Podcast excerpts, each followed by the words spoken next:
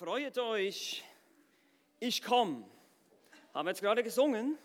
Freut euch, ich komme. Und das ist natürlich Jesus selber, der das sagt. Und wir alle warten auf unseren Herrn Jesus Christus. Das ist eine altbekannte Wahrheit, aber es wird auch darüber diskutiert in der theologischen Welt. Wie sieht es genau aus? Worauf warten wir denn genau? Und gerade in der letzten Zeit, aufgrund unserer Krisensituation, habe ich da viel, muss ich da viel drüber nachdenken.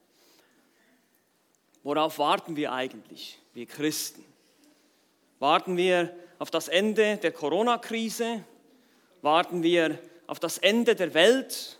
Warten wir auf den Antichristen? Vielleicht ist es ja Bill Gates mit seiner Impfung. Auf wen warten wir? Auf was warten wir? Oder warten wir auf unseren Herrn. Am 19. Mai 1780, inmitten des Revolutionskrieges, brach um die Mittagszeit, wahrscheinlich verursacht durch schwere Waldbrände, eine Dunkelheit über Neuengland, das ist die Ostküste der heutigen USA, aus. Ging in die Geschichte ein als Neuenglands dunkler Tag. Man kann sich vorstellen, Mitten am Tag sangen die Vögel ihr Abendlied, die Tiere auf dem Feld kehrten zu ihren Löchern zurück sozusagen und die Menschen waren verwirrt. Was ist jetzt los? Einige gingen in die Kirche, andere suchten Trost in Wirtshäusern. In Hartford war gerade der Landtag von Connecticut im Gange. Als die Dunkelheit über das Land hereinbrach, da wollten viele die Tagung verschieben. Ähnlich wie heute, wir gehen in den Lockdown, oder? Ja, lass uns das verschieben, aus Angst, weil die Welt ja untergehen könnte.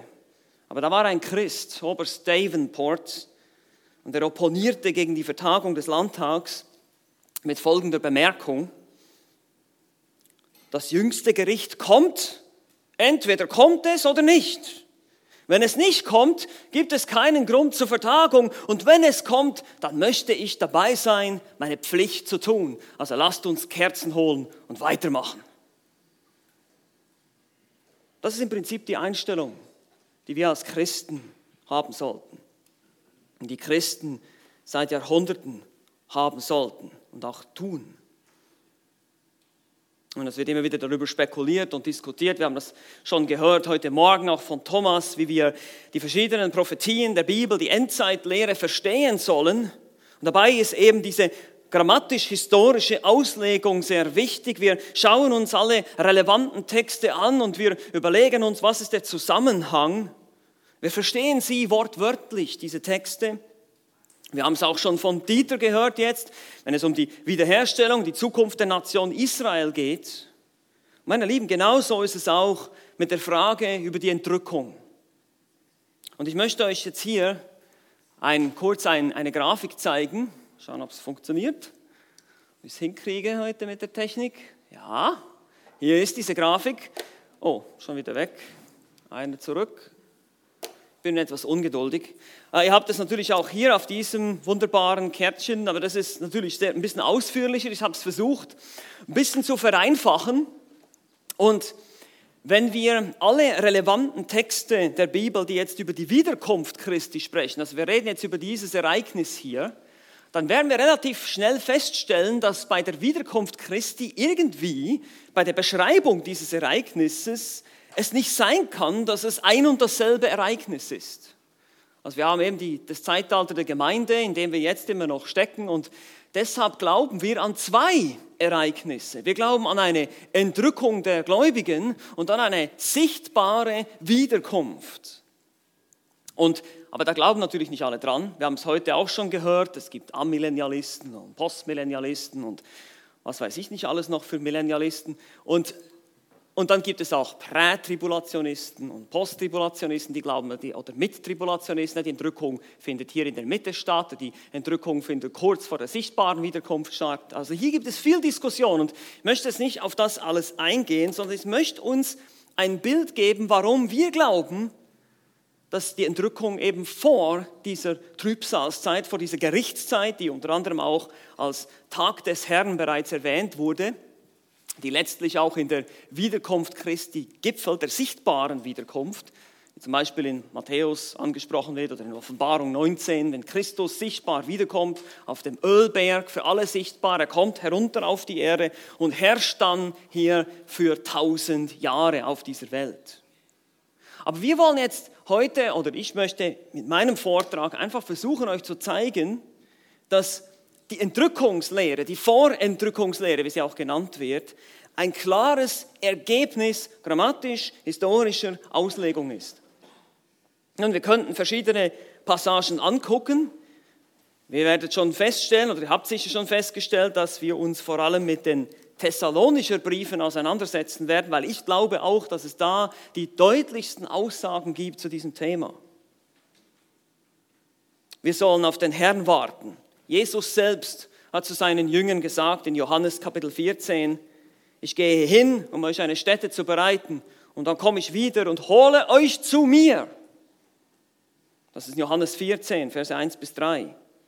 Das beschreibt irgendwie ein anderes Ereignis als die sichtbare Wiederkunft auf dem Ölberg, wo er runterkommt und seine Füße stehen auf dem Ölberg und er wird seine Feinde vernichten. Mit, inmitten von Katastrophen und Gerichten und einer gebeutelten Welt kommt er sichtbar wieder. Aber in 1. Korinther 15 finden wir zum Beispiel auch eine solche Aussage von Paulus, wo er ebenfalls über die Auferstehung der Toten spricht.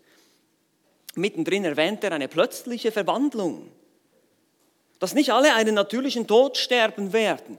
Also Paulus erwartete das sogar in seiner Lebzeit, dieses Ereignis.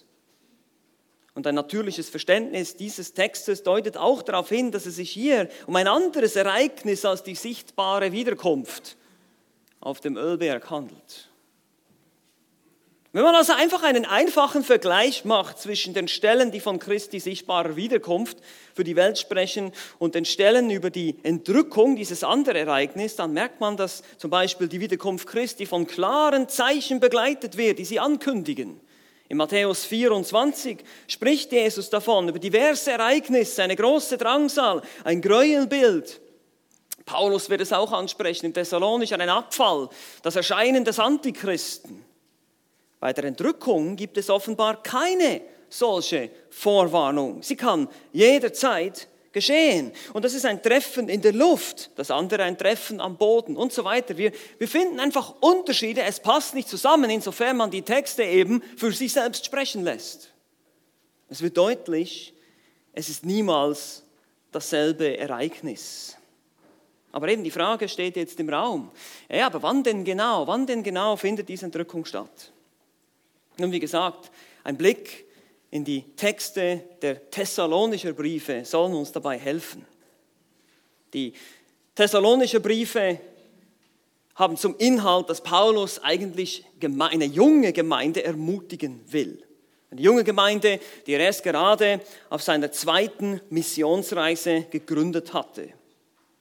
Doch kurz danach wurde der Apostel und sein Team auch schon wieder von dort mit Gewalt getrennt und er musste sie alleine lassen. Er hält aber einen guten Report und aufgrund dieses, dieses guten Berichts schreibt er diesen Brief und will sie eigentlich vor allem anfeuern, ermutigen. Was ihr tut, das tut noch mehr.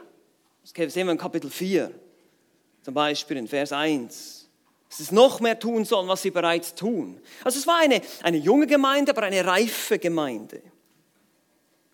Aber es gab offenbar ein Problem. Es gab offenbar ein Problem. Und zwar gab es falsches, ein falsches Verständnis oder eine falsche Lehre über, den, über die Endzeit, über den Tag des Herrn. Und hier sehen wir schon, wie wichtig Endzeitlehre ist, weil sie war Paulus wichtig genug, dass er sie korrigierte. Er sagt nicht einfach, ach ja, das ist jetzt halt eure Position und uh, ich glaube halt etwas anderes, das ist ja nicht so wichtig. Nein, sondern er sagt, Leute, ihr müsst das richtig verstehen. Seht ihr das? Wenn wir jetzt mal aufschlagen, 1. Thessalonicher Kapitel 4, könnt ihr mal hingehen, 1. Thessalonicher Kapitel 4, da sagt Paulus, ich will euch aber, Brüder, in Vers 13, nicht in Unwissenheit lassen. Ihr sollt nicht unwissend sein. Also diese Irrtümer mussten korrigiert werden. Weil diese Erwartungshaltung oder unsere Sichtweise der Eskatologie, der Endzeitlehre hat ganz praktische Auswirkungen auf dein und mein Leben. Eben, wartest du auf den Antichristen, auf den Weltuntergang? Oder wartest du auf Christus? Nur ein Beispiel. Aber lasst uns mal den ganzen Text lesen hier. Ich gehe jetzt hier mal ein bisschen weiter. 1. Thessalonicher Kapitel 4, 13 bis 5, 11. Hier heißt es, ich will euch aber, Brüder, nicht in Unwissenheit lassen über die Entschlafenen, das sind die Gestorbenen, damit ihr nicht traurig seid wie die anderen, die keine Hoffnung haben. Denn wenn wir glauben, dass Jesus gestorben und auferstanden ist, so wird Gott auch die Entschlafenen durch Jesus mit ihm führen. Denn das sagen wir euch in einem Wort des Herrn. Wir, die wir leben und bis zur Wiederkunft des Herrn übrig bleiben, werden den Entschlafenen nicht zuvorkommen. Denn der Herr selbst wird, wenn der Befehl ergeht und die Stimme des Erzengels und die Posaune Gottes erschallt, vom Himmel herabkommen und die Toten in Christus werden zuerst auferstehen. Danach werden wir, die wir leben und übrig bleiben, zusammen mit ihnen entrückt werden in die Wolken zur Begegnung mit dem Herrn in die Luft und so werden wir bei dem Herrn sein alle Zeit. So tröstet nun einander mit diesen Worten. Kapitel 5, Vers 1. Von den Zeiten und Zeitpunkten aber braucht man euch Brüder nicht zu schreiben denn ihr wisst ja genau, dass der Tag des Herrn so kommen wird wie ein Dieb in der Nacht. Wenn sie nämlich sagen werden Friede und Sicherheit, dann wird sie das Verderben plötzlich überfallen wie die Wehen eine schwangere Frau und sie werden nicht entfliehen. Ihr aber, Brüder, seid nicht in der Finsternis, dass euch der Tag wie ein Dieb überfallen könnte. Ihr alle seid Söhne des Lichts und Söhne des Tages. Wir gehören nicht der Nacht an, noch der Finsternis. So lasst uns auch nicht schlafen wie die anderen, sondern lasst uns wachen und nüchtern sein. Denn die Schlafenden schlafen bei Nacht und die Betrunkenen sind bei Nacht betrunken. Wir aber, die wir dem Tag angehören, wollen nüchtern sein, angetan mit dem Brustpanzer des Glaubens und der Liebe und mit dem Helm der Hoffnung auf das Heil. Denn Gott hat uns nicht zum Zorngericht bestimmt, sondern zum Besitz des Heils durch unseren Herrn Jesus Christus, der für uns gestorben ist, damit wir, ob wir wachen oder schlafen, zusammen mit ihm leben sollen. Darum ermahnt einander und erbaut einer den anderen, wie ihr es auch tut. Bis hierher. Wir sehen hier drei Dinge. Das Problem, die Korrektur und die Bestätigung. Wir fangen an mit dem Problem.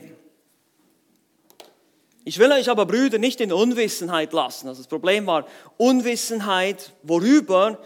Über die Entschlafenen, die gestorben sind. Aber warum sind sie besorgt? Worüber? Und das erfahren wir, wenn wir weiterlesen. In Vers 14 heißt es, denn wenn wir glauben, dass Jesus gestorben und auferstanden ist, so wird auch Gott die Entschlafenen durch Jesus mit ihm führen. Wenn die Gestorbenen, wenn Jesus auferstanden ist, der ja auch gestorben ist, dann werden die, die an ihn glauben, ebenfalls auferstehen. Aber irgendwie machen sich die Thessalonicher Sorgen, dass diejenigen, die bereits gestorben waren, an etwas nicht teilhaben würden, was sie erwarteten. Die Lebendigen warteten nämlich auf etwas, auf ein besonderes Ereignis. Das kann man sehr, sehr gut ableiten hier in diesem Text. Die Lebenden warteten auf ein besonderes Ereignis und machen sich, machen sich aber Sorgen, da dieses noch nicht eingetreten ist und bereits einige verstorben waren. Und wir sehen, was dieses Problem war, was dieser Irrtum war, wenn wir uns die Korrektur anschauen. In den Versen 15 bis 18. Wenn wir die Korrektur anschauen, können wir relativ schnell merken, was das Problem war. Vers 15 heißt es, denn das sagen wir euch in einem Wort des Herrn. Wir, die wir leben und bis zur Wiederkunft des Herrn übrig bleiben, werden den Entschlafenen nicht zuvorkommen. Das Wort Wiederkunft sollte besser mit Ankunft oder Erscheinung übersetzt werden, die Bedeutung von Parousia. Es muss das Ereignis sein, auf das die Thessalonischer warteten, von dem sie dachten, die Toten würden es verpassen. Das muss die Irrlehre gewesen sein, die sie hier gebeutelt hat, die ihnen Sorgen gemacht hat. Die Toten würden das verpassen. Aber Paulus sagt hier, nein, wir, die wir leben, werden den Gestorbenen nicht zuvorkommen in diesem Ereignis, sondern, Vers 16 bis 18, denn der Herr selbst wird, wenn der Befehl ergeht und die Stimme des Erzengels und die Posaune Gottes erschallt, vom Himmel herabkommen. Die Toten in Christus werden zuerst auferstehen. Danach werden wir, die wir leben und übrig bleiben, zusammen mit ihnen entrückt werden in Wolken zur Begegnung mit dem Herrn in die Luft. Und so werden wir bei dem Herrn sein alle Zeit. So tröstet nun einander mit diesen Worten. Und diese ganze Beschreibung hier, Posaune Gottes, Stimme des Erzengels, das ist ein Sammlungsbefehl. Und wenn dieser Sammlungsbefehl ergeht, dann kommt Christus herab und dann werden zuerst die Gestorbenen auferstehen und danach, sagt Paulus in Vers 17, Epeta, danach, als nächstes in Ordnung und Zeit, werden wir, die wir leben, übrig bleiben, zusammen mit ihnen entrückt werden in die Wolken. Also nach oben, nicht nach unten. Christus kommt nach unten auf den Boden hier bei seiner zweiten, bei seiner sichtbaren Wiederkunft. Aber hier offenbar nicht. Seht wieder diesen, diesen Unterschied. Es, es, es passt einfach nicht zusammen, wenn man es wirklich wörtlich verstehen will. Wir werden mit ihnen zusammen entrückt. Entrückt, das Wort hier, harpazo, bedeutet weggeschnappt. Ja, so, ja, richtig gehend weggeschnappt. Im 1. Korinther 15 heißt es auch in einem Augenblick. Also wirklich, das muss, das muss etwas sein, das relativ schnell, ziemlich schnell gehen wird. Eine getriebene, plötzliche Ergreifung, heißt es an einer anderen Stelle in Philippus, äh, Philippus in Apostelgeschichte 8, 39 wird wirklich weggenommen, heißt es da, oder weggeschnappt. Also dieses Wort wird so benutzt zusammen und dann werden wir in die Luft zur Begegnung mit dem Herrn kommen. Und von dort in den Wolken, in der Luft, werden wir den Herrn in den Himmel eskortieren und für immer bei ihm sein, so wie es in Johannes 14 versprochen hat. Ich werde dahin gehen, werde euch eine Stätte bereiten und euch dann zu mir holen und ich werde bei mir sein. Paulus selbst betont hier auch, dass das auch seine eigene Erwartung war. Sehen wir auch hier. Er sagt beständig wir, wir, die wir leben. Seht ihr das im Text? Wir. Er sagt nicht ihr oder ja, vielleicht mal irgendwann in 2000 Jahren. Er sagt wir, wir hier, die wir leben, wir werden entrückt werden. Er erwartete offensichtlich auf dieses Ereignis. Nicht auf eine Drangsal, nicht auf einen Antichristen, auf die Entrückung. Und diese Naherwartung von beiden zeigt sich deutlich was Paulus seinen Empfängern damals, was, die, was Paulus und seine Empfänger damals als nächstes sozusagen auf dem Kalender der Endzeit erwarteten. Es ist die Entrückung. Wieder mal zusammengefasst, Paulus selbst und auch seine Empfänger warteten eindeutig auf die Entrückung, auf dieses Wegschnappen, nicht auf andere Ereignisse wie zum Beispiel die Trübsal oder den Antichristen. Wir kommen gleich noch dazu.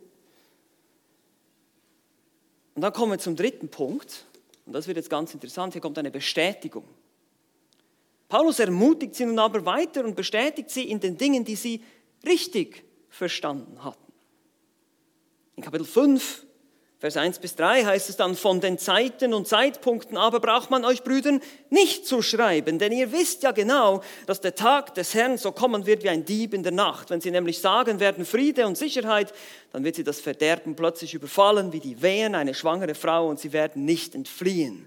Und diese Ausdrucksweise hier von den Zeiten und Zeitpunkten, von den Zeiten und Zeitepochen oder besser gesagt über die Zeiten, er, er wechselt hier ganz deutlich das Thema. Es geht jetzt nicht mehr mehr um die Entrückung, das ist ein, dieses über die, Peride, das verwendet er immer wieder im Brief, um zu zeigen, wenn jetzt das Thema wechselt, jetzt wechselt das Thema, das sehen wir natürlich auch im Deutschen, von den Zeiten und Zeitpunkten, aber, also das muss irgendwas anderes sein, braucht man euch nicht zu schreiben, es geht hier um den Tag des Herrn, das Konzept aus dem Alten Testament, welches wir auch schon ein bisschen gehört haben heute davon, welches eine Gerichtszeit Gottes beschreibt.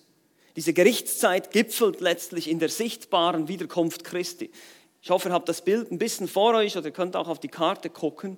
Nach dieser Trübsalzeit kommt diese sichtbare Wiederkunft und in der Offenbarung wird schon in Kapitel 6, Vers 17 gesagt, dass der Tag des Herrn da ist. Und dann kommen, kommen diese ganzen Katastrophen, diese schrecklichen Dinge kommen über diese Welt und am Ende kommt Christus wieder. Also dieser Tag ist nicht ein wörtlicher Tag, sondern es ist ein Zeitabschnitt. Ein Zeitabschnitt des Gerichts. Und dieses Konzept, das habt ihr richtig verstanden. Darüber brauche ich euch nicht zu schreiben. Er wird für die Ungläubigen, ganz wichtig hier, für die Ungläubigen wie ein Dieb in der Nacht kommen. Sie werden sagen, er spricht hier in der dritten Person, er sagt nicht mehr wir, ich, wir, er sagt sie, sie werden sagen, Friede und Sicherheit, sie, die Ungläubigen, sie werden es nicht erwarten. Weil wir, die Gläubigen, wir wissen ja davon. Wir wissen, dass ein Gericht Gottes kommt, oder? Wir wissen, dass Gott richten wird. Diese Gerichtszeit ist offenbar noch nicht gekommen, sie liegt in der Zukunft, auch hier im Neuen Testament, genauso wie auch das Reich, was wir heute schon gehört haben. Diese Gerichtszeit und das darauffolgende Reich liegt in der Zukunft. Aber wie gesagt, für die Ungläubigen wird es eine Überraschung sein. Sie werden sich in Sicherheit wiegeln. Und das sehen wir auch, wenn wir die alttestamentlichen Prophetien untersuchen, sehen wir, dass der Antichrist erstmal einen Friedensbund schließen wird mit den Ungläubigen. Die werden sich in Frieden und Sicherheit wiegeln während der Trübsalzeit. Und dann wird das Gericht losbrechen. Es ist für die Ungläubigen eine Überraschung, aber nicht für uns. Verse 4 und 5. Ihr aber, Brüder, seht ihr, jetzt wechselt er die Person wieder. Ihr aber, Brüder, seid nicht in der Finsternis, dass euch der Tag wie ein Dieb überfallen könnte. Dieser Tag, diese Gerichtszeit wird euch nicht überfallen. Ihr alle seid Söhne des Lichts und Söhne des Tages. Wir gehören nicht der Nacht an noch der Finsternis. Ein klarer Kontrast hier. Und dadurch werden sie dann auch zur Heiligung motiviert. Das sehen wir in Versen 6 bis 8. Lasst uns nicht schlafen wie die anderen, das ist geistlicher Schlaf, sondern lasst uns wachen und nüchtern sein. Was motiviert uns also? Ist es die Angst vor dem Gericht als Gläubige? Nein, es ist die Erwartung der Entrückung.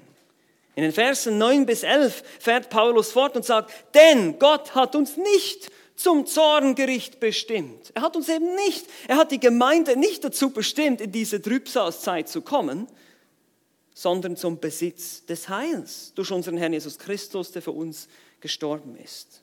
Dieser Zorn, dieses Endgericht ist für die Ungläubigen, nicht für die Gläubigen. Also wir sehen hier schon in diesem Text eine, eine klare Vorstellung von dem, was Paulus in seinem Kopf hatte und auch die Empfänger, die Thessalonischer und auch anhand der Korrekturen, die er macht. Deshalb machten sie sich Sorgen. Ja, was ist jetzt, wenn die Toten die Entrückung verpassen? Dann sind sie nicht beim Herrn. Und er sagt, nee, nee, nee, nee, die werden auch auferstehen. Macht euch da mal keine Sorgen.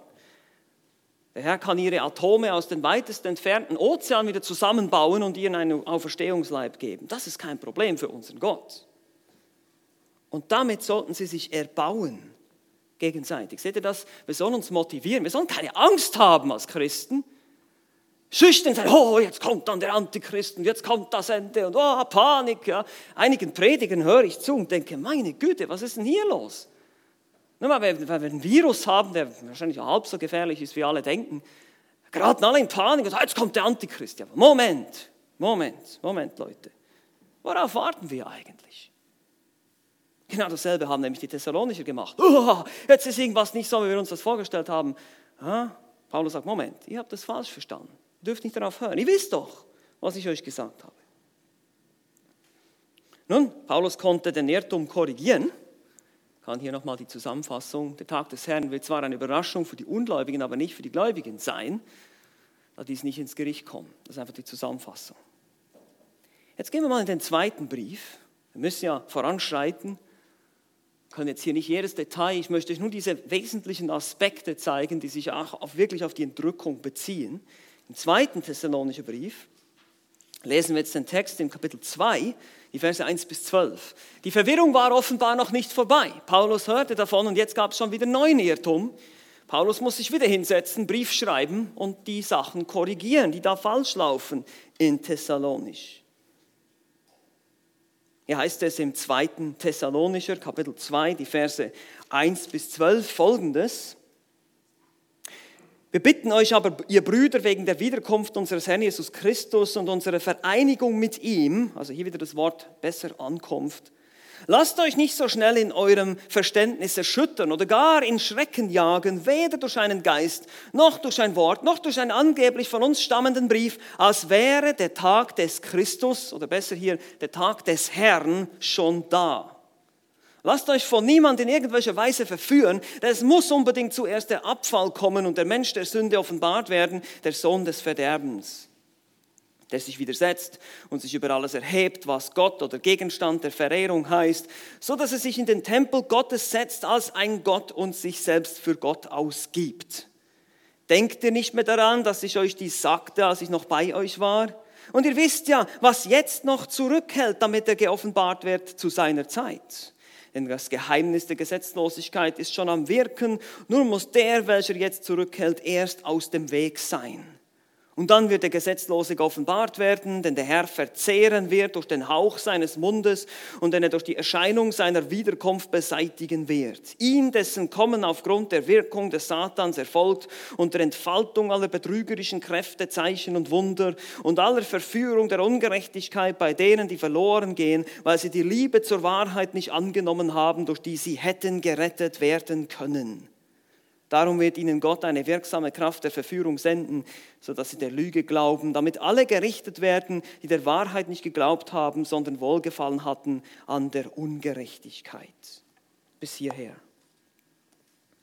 Und wie gesagt, die Verwirrung war noch nicht weg. Es gab einen weiteren Irrtum hier, die Thessalonicher erlebten nämlich Widerstand. Wir sehen das schon im ersten Thessalonischer Brief, Kapitel 2, Vers 14 und 3, Vers 3 sehen wir, sie wurden offenbar verfolgt, sie haben gelitten. Also ihre Umstände haben sie dazu gebracht, falsch zu denken. Ihre Umstände haben plötzlich angefangen, ihre Theologie zu interpretieren. Das tun wir leider auch sehr oft, ja, wir Christen. Wir schauen in die Welt, in die Politik und überall und wir interpretieren dann unsere Umstände, in unsere, lassen das unsere Theologie bestimmen. Das dürfen wir nicht tun.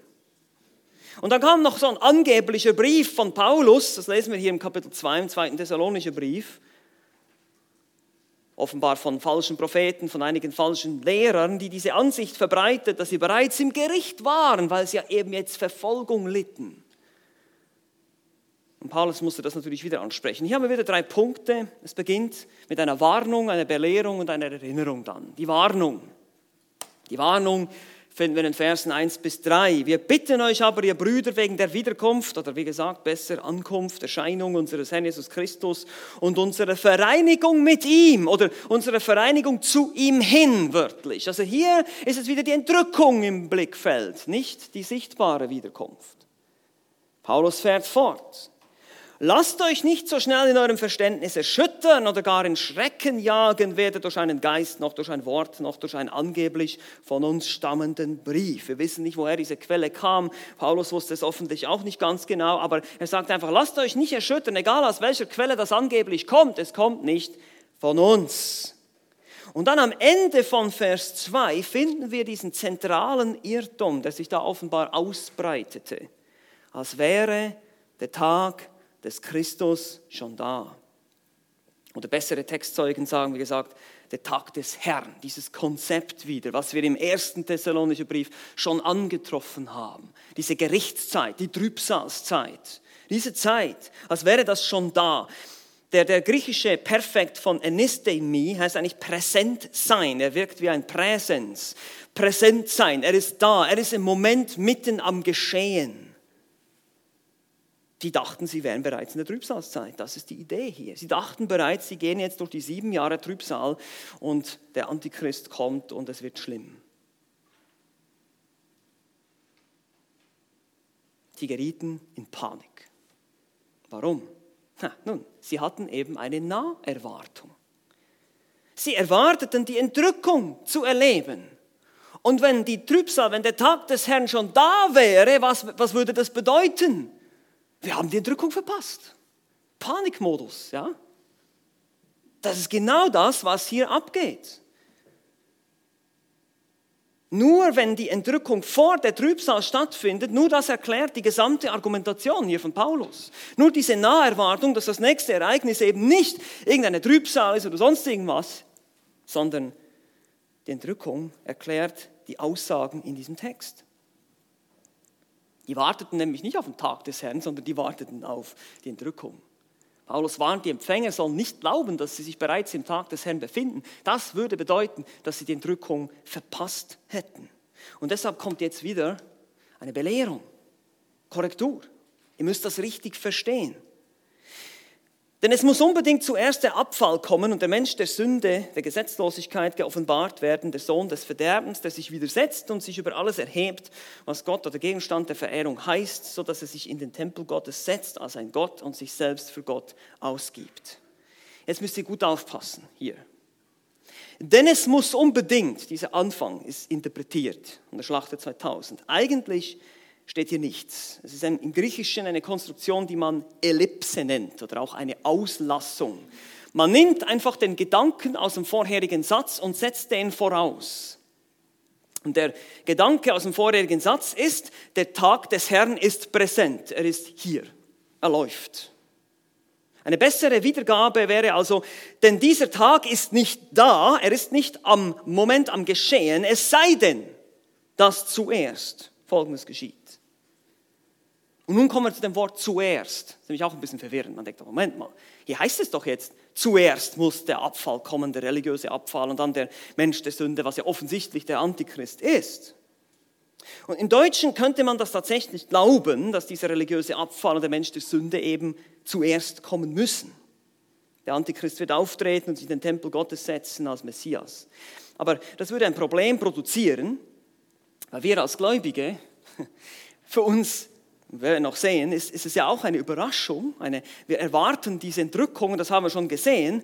Und die Ungläubigen, für die wird es eine Überraschung sein, dieses Gericht.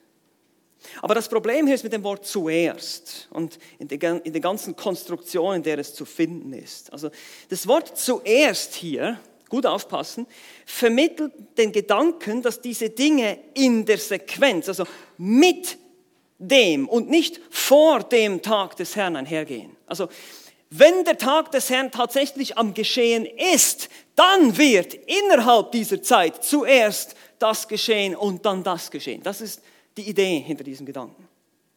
Wir finden ähnliche Beispiele im Griechischen, zum Beispiel Johannes 7, Vers 51, wo es heißt, richtet unser Gesetz einen Menschen, es sei denn, man habe ihn zuvor oder zuerst selbst gehört und erkannt, was er tut. Das Richten geht also einher, der Prozess des Richtens geht einher mit dem zuerst anhören und dann erkennen, was er tut. Aber das ist beides Teil des Prozesses. Ein weiteres Beispiel, Markus 3, 27. Niemand kann in das Haus des Starken hineingehen und sein Hausrat rauben, es sei denn, er bindet zuvor, zuerst den Starken und dann erst wird er, wird er sein Haus berauben. Er bindet den Starken nicht zuerst und steigt dann erst ins Haus ein, sondern das ist Teil des gesamten Prozesses. Er steigt ins Haus ein, bindet den Starken und raubt es aus. Zuerst den Starken binden, dann es ausrauben. Es sind immer dieselben Konstruktionen, die hier ablaufen. Ich kann euch natürlich jetzt sagen, das sind zwei Aorist-Konjunktive verbunden mit einem Präsens, aber das hilft euch nicht weiter. Aber das ist einfach so, wie es ist. Und deshalb in 2. Thessalonicher 2 müssten wir diesen Satz jetzt so verstehen. Der Tag des Herrn ist nicht da, denn zuerst möge der Abfall kommen und der Mensch der Sünde möge offenbar werden. Dann, währenddessen ist der Tag des Herrn da. Wenn das geschieht, wenn das tatsächlich geschehen würde, dann wäre der Tag des Herrn da. Wenn dieser Prozess am Laufen ist. Der weltweite Abfall, alles, was ich euch gelehrt habe. Paulus setzt das natürlich voraus, dass die das wussten. Er hat sie ja belehrt. Aber das ist eben nicht der Fall. Und daher ist es nicht so, dass ihr im Gericht seid. Und daraus ergeben sich zwei interessante Schlussfolgerungen. Wie gesagt, der Tag des Herrn wird eine Überraschung für die Ungläubigen. Wie gesagt, 1. Thessalonicher 5, er kommt wie ein Dieb in der Nacht. Und ohne Vorzeichen für die Ungläubigen, weil die erwarten das gar nicht. Sie wiegeln sich in Sicherheit und Frieden, heißt es in 1. Thessalonicher 5, 3. Aber die Entrückung wird eine Überraschung für die Gläubigen sein, weil sie eben nicht in diese Zeit kommen. Sonst könnten sie diese Dinge sehen. Sonst, wenn wir sehen würden, ja, jetzt kommt diese eine Weltregierung, jetzt kommt dieser Antichrist, dann wüssten wir, jetzt kommt bald der Herr. Die Frage ist, sollen wir das wissen oder sollen wir in einer beständigen Erwartung des Herrn leben? Wenn wir aber in einer beständigen Erwartung des Herrn leben sollen, dann muss die Entrückung jederzeit geschehen können. Es braucht nicht vorher eine Wiederherstellung des Landes Israel, so wie wir das jetzt sehen. Es braucht nicht vorher all diese Dinge, um dass die Entrückung hätte stattfinden können. Und deshalb müssen wir sehr, sehr vorsichtig sein, gerade mit Zeitungsexegese, ja, mit der Auslegung der Nachrichten. Jeder Bombenschlag in Israel ist irgendeine Erfüllung einer Prophetie. Das sollen wir nicht tun. Das ist überhaupt nicht die Idee dahinter. Und viele dieser Verheißungen, bin ich überzeugt, viele dieser Prophetien auch über Israel erfüllen sich erst in der Trübsalzeit und dann am Ende, wenn Christus wiederkommt. Aber lasst mich das erst kurz nochmal zusammenfassen. Hier nochmal die Korrektur des Paulus zusammengefasst. Während des Tages des Herrn würde dann nämlich zuerst der Abfall kommen und dann der Mensch der Sünde offenbar werden. Da ihr aber beides nicht seht, seid ihr nicht im Tag des Herrn. Das ist die Korrektur. Und jetzt kommt diese kleine Zusammenfassung hier, um euch einfach zu zeigen, alle Aussagen, die wir bis jetzt betrachtet haben, machen nur Sinn, wenn wir an eine Entrückung vor der Trübsalzeit glauben. Nur wenn die Entrückung vor der Trübsal stattfindet, geraten die Thessalonicher in Panik, weil sie denken, die Verstorbenen werden die Entrückung verpassen. Sie erwarteten nämlich dieses Ereignis. Sie geraten in Panik, weil sie denken, sie seien im Tag des Herrn. Das haben wir jetzt gesehen im Kapitel 2, weil sie eben wissen, sie kommen nicht da rein, eigentlich. Kann der Tag des Herrn eine Überraschung sein für die Ungläubigen, da sie sich zu Beginn der Trübsal noch in Frieden und Sicherheit wiegeln, aber ist der Tag des Herrn keine Überraschung für die Gläubigen, da sie eben bereits vorher entrückt wurden. Die Überraschung für uns, meine Lieben, ist die Entrückung. Von der wissen wir nicht, wann sie geschieht. Jede Sekunde, jede Minute sollen wir unseren Herrn erwarten. Und deshalb schickt Paulus dann hinterher noch eine. War das jetzt ein bisschen zu schnell? Wolltet ihr abschreiben? Ich probiere es nochmal. Ne? Das ist vielleicht, weil das ist eigentlich das Zentrale hier von meinem Vortrag, kann man sagen. Also wenn ihr die Sachen verstanden habt, natürlich, ihr könnt das ausführlich, ich versuche das jetzt hier wirklich so kompakt wie möglich zu machen, so verständlich wie möglich, aber ihr könnt euch das zu Hause nochmal, diese Texte in aller Ruhe durchlesen und selber versuchen zu verstehen. Was war hier wohl die Ableitung? Was war das Problem? Was musste Paulus hier korrigieren? Das ist natürlich indirekt, das ist klar, aber wir sehen es ganz deutlich, was er korrigiert, was die Erwartungen wohl waren von diesen Leuten. Der dritte Punkt ist eine Erinnerung. Ich klicke jetzt absichtlich nicht weiter, dann könnt ihr noch abschreiben. Eine Erinnerung in den Versen 2, 5 bis 12. Und da gehen wir jetzt nur noch kurz durch. Er erklärt dann, denkt ihr nicht mehr daran, als ich euch dies sagte, als ich noch bei euch war. Und ihr wisst ja, dass was jetzt noch zurückhält, damit er geoffenbart werde zu seiner Zeit, denn das Geheimnis der Gesetzlosigkeit ist schon am Wirken. Er sagt, was jetzt noch zurückhält, das ist der Heilige Geist. Das kann man daran sehen, dass das hier sächlich ist, das Wort Geist, aber er wird als eine Person bezeichnet. Das macht am meisten Sinn hier als den, der jetzt noch zurückhält, den Heiligen Geist zu sehen, der ja hier auf der Erde ist, durch die Gläubigen, in den Gläubigen wohnt. Die, die Gläubigen sind in der Gesellschaft Salz und Licht. Sie halten dieses Geheimnis der Gesetzlosigkeit, das schon seit Jahrhunderten in Vorbereitung ist. Das ist übrigens die ultimative Verschwörung, ja, der Teufel gegen Gott. Das ist die wahre Verschwörungstheorie. Bei allen anderen wissen wir nicht, ob sie wahr sind oder nicht, aber das ist die, wo wir wissen, dass sie wahr ist. Der Teufel hat sich verschworen gegen Gott. Und dieses, dieses ist eine Vorbereitung. Und er sagt, aber wenn der hier jetzt noch zurückhält, weggenommen wird, dann wird es erst richtig losbrechen. Weil die Gemeinde wird weg sein, der Heilige Geist wird natürlich immer noch da sein, aber er wird sein Wirken zurückziehen. Und wir lesen auch in der Offenbarung von vermehrter Aktivität von Dämonen und schrecklichen Monstern und Gesichtern und was weiß ich nicht alles, wenn ihr das mal durchlesen wollt. Es wird wirklich richtig gehend die Hölle losbrechen auf Erden. So kann man es ausdrücken. Der Teufel wird alles geben. Er wird alles geben, um gegen Christus und gegen Gott zu rebellieren und wird die Menschen verführen. Der Antichrist wird auftreten, diese Gesetzlose, heißt es dann hier in 2 Vers 8. Und er wird dann aber bei Jesu zweitem Kommen weggefegt, besiegt. Das lesen wir ja auch in diesem Abschnitt. Viele werden auf diesen Antichristen hereinfallen, in den Versen 10 heißt es noch, ab Vers 10, bei denen, die verloren gehen, weil sie die Liebe zur Wahrheit nicht angenommen haben, weil sie eben nicht glauben, weil sie nicht an das Evangelium geglaubt haben, wenn sie verführt werden und mit weggezogen werden mit dieser Verführung. Das ist aber eine bewusste Entscheidung, sehen wir hier. Sie liebten die Lüge mehr, sie haben die Lüge geglaubt und sind verloren gegangen. Das einfach nur als kurze Zusammenfassung noch von diesem Oh, jetzt ist es wieder zurückgegangen hier, ne? Das tut mir leid. Gar nicht gemerkt. Habt ihr alles abschreiben können? Jetzt können wir dann nochmal alles durch. Äh, kann, können ja wahrscheinlich das noch posten, diese, diese Folien, dann kann man sich das dann nachträglich noch anschauen. Aber ich möchte, noch, ich möchte noch zu einer Anwendung kommen hier. Ich möchte uns noch sagen, okay, was ist denn jetzt eigentlich, warum müssen wir das wissen? Warum ist das so wichtig? Ähm, ich gehe jetzt hier mal weiter. Kommt noch diese Erinnerung, hier nochmal die Zusammenfassung der Erinnerung. Das Ausbrechen dieser Zeit wird momentan noch durch den Geist Gottes verhindert. Wenn es dann aber losgeht, werden viele auf den Antichristen hereinfallen, am Ende gerichtet werden. Das sind die Aussagen, die wir dann im Rest des Abschnitts eigentlich finden, die Paulus macht. Gut, Anwendungen. Warum ist es wichtig für uns? Wir wollen ja immer die Frage stellen, Paulus war es ja wichtig, er, hat, er war bereit, das zu korrigieren, diese Ansicht. Er hat gesagt, nee, das, ihr, müsst, ihr müsst das Richtige glauben. Nun, ich, ich denke, es gibt mindestens vier Anwendungen und die erste davon ist sicherlich mal sehr aktuell. Motivation zur richtigen Perspektive. Was ist deine Perspektive der jetzigen Situation? Und da meine ich jetzt ganz bewusst und ganz konkret unsere Covid-19-Krise. Was alles gesagt wird, ich, wie gesagt, ich habe von Predigern gehört, die jetzt Endzeitfurore machen, es geht bald los, Bill Gates bringt die Impfung und der Mikrochip wird uns eingebaut, das Mahlzeichen des Tieres und all solche Dinge sind im Umlauf unter Christen. Unter Christen. Ist das wirklich so? Kann das sein? Sollten wir das erwarten? Natürlich. Wir sollten das jederzeit erwarten. Wir sollten jederzeit erwarten, dass die Welt zu Ende geht. Das bestreite ich überhaupt nicht.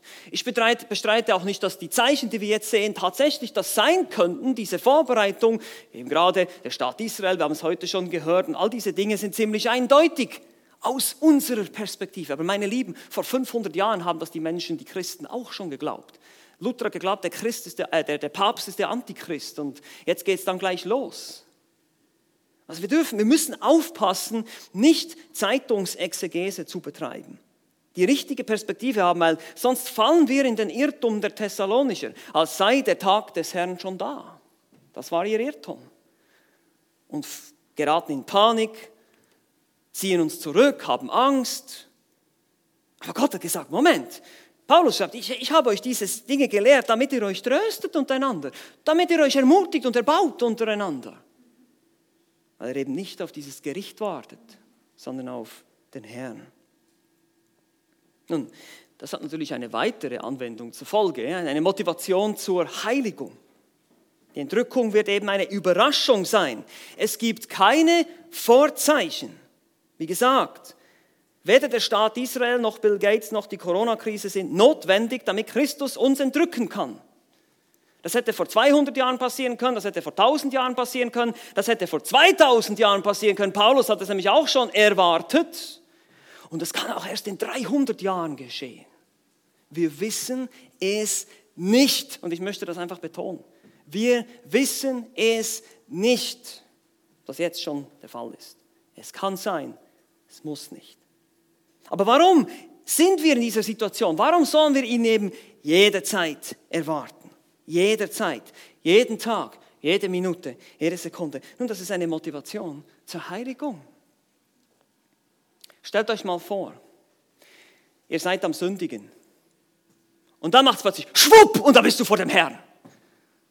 Uh, also ich möchte das nicht erleben. Weißt du, wie peinlich das ist? Wirklich. Das soll uns motivieren, hey, jederzeit. Denk an Oberst Davenport wenn der Herr mich entrückt, dann will ich dabei sein, das Richtige zu tun. Dann will ich dabei sein, meine Pflicht zu tun. Mich auch nicht irgendwie aus lauter Angst irgendwo verkriechen in einem Loch, sondern ich will das tun, was der Herr sagt. Und dann werde ich entrückt und stehe vor dem Herrn. Und er sagt, guter und treuer Knecht. Das ist eine Motivation zur Heiligung. Es ist aber auch drittens eine Motivation zur Bekehrung. Stell dir vor, schwupp, und du bist nur noch alleine da. Was passiert dann? Dann erwartet uns die Trübsalzeit. Und klar, es kann auch sein, dass wir sterben und dann erwartet uns eine ewige Hölle, wenn wir nicht Buße tun, an Christus glauben. Es ist eine Motivation zur Bekehrung. Wir sprechen mit Menschen darüber, sagen, Christus kommt wieder. Wenn wir eines Tages alle nicht mehr hier sind, dann weißt du, was passiert ist. Tu Buße über deine Sünde, solange du noch kannst. Glaube an Christus, solange noch Gnadenzeit ist. Glaube an das Evangelium, dass Christus deine Sünde, für deine Sünde gestorben ist, dir deine Sünde vergibt und du dabei sein wirst, wenn es losgeht. Und schließlich, unsere Tagung trägt ja den Namen lebendige Hoffnung, deshalb wollen wir natürlich mit Motivation zur Hoffnung enden. Hoffnung und Heimgang ist der Titel dieses Vortrags. Was ich frage nochmal, was ist deine Hoffnung, Christ? Was ist deine Hoffnung, dass diese Welt besser wird, dass die Corona-Krise bald vorbei ist, dass wir eine bessere Regierung bekommen? Was ist deine Hoffnung? Wisst ihr, was meine Hoffnung ist? So bald wie möglich von diesem Planeten zu verschwinden und beim Herrn zu sein. Das ist meine Hoffnung. Und ich hoffe, es ist auch eure. Und währenddem wir hier sind, wollen wir uns nicht eben verkriechen, sondern wir wollen mutig vorangehen und das Evangelium verkündigen. Das, meine Lieben, soll all unser Ziel sein. In Titus 2, Vers 13 heißt es, indem wir die glückselige Hoffnung erwarten. Was erwarten wir? Die glückselige Hoffnung, die Erscheinung der Herrlichkeit des großen Gottes, unseres Retters Jesus Christus. Die Lehre der Entrückung vor der Trübsal ist ein riesiger Trost. Seid ermutigt, wenn ihr gläubig seid. Denn Gott hat uns nicht zum Zorngericht bestimmt, sondern zum Besitz des Heils durch unseren Herrn Jesus Christus. Amen. Amen. Lasst uns gemeinsam beten. Vater im Himmel, ich danke dir für dein Wort, das so klar spricht. Ich danke dir, dass du uns eine Perspektive gibst, die über alles hinausgeht, was wir momentan in den Medien und in den Nachrichten hören. Die Perspektive der Welt ist Finsternis, ist Hoffnungslosigkeit, ist Angst und Schrecken und all diese Dinge. Und das wird nicht besser, das wird noch viel schlimmer werden. Das sehen wir in der Schrift. Aber wir, wir dürfen wissen, wenn wir an dich glauben, wenn wir unser ganzes Vertrauen in dich setzen und wenn wir Veränderungen in unserem Leben sehen durch das Wirken des Geistes, wenn wir wirklich wahrhaftige Gläubige sind, die eben nicht schlafen wie die, die bei Nachts betrunken sind, sondern in der Heiligung und im Gehorsam leben, dann dürfen wir wissen, dass wir eine Hoffnung haben, hier wegzukommen. Sei das durch den Tod, wenn wir sterben, dass wir direkt bei dir sind, oder sei das, dass du uns holen kommst. Und deshalb beten wir, Herr, komme bald. Amen.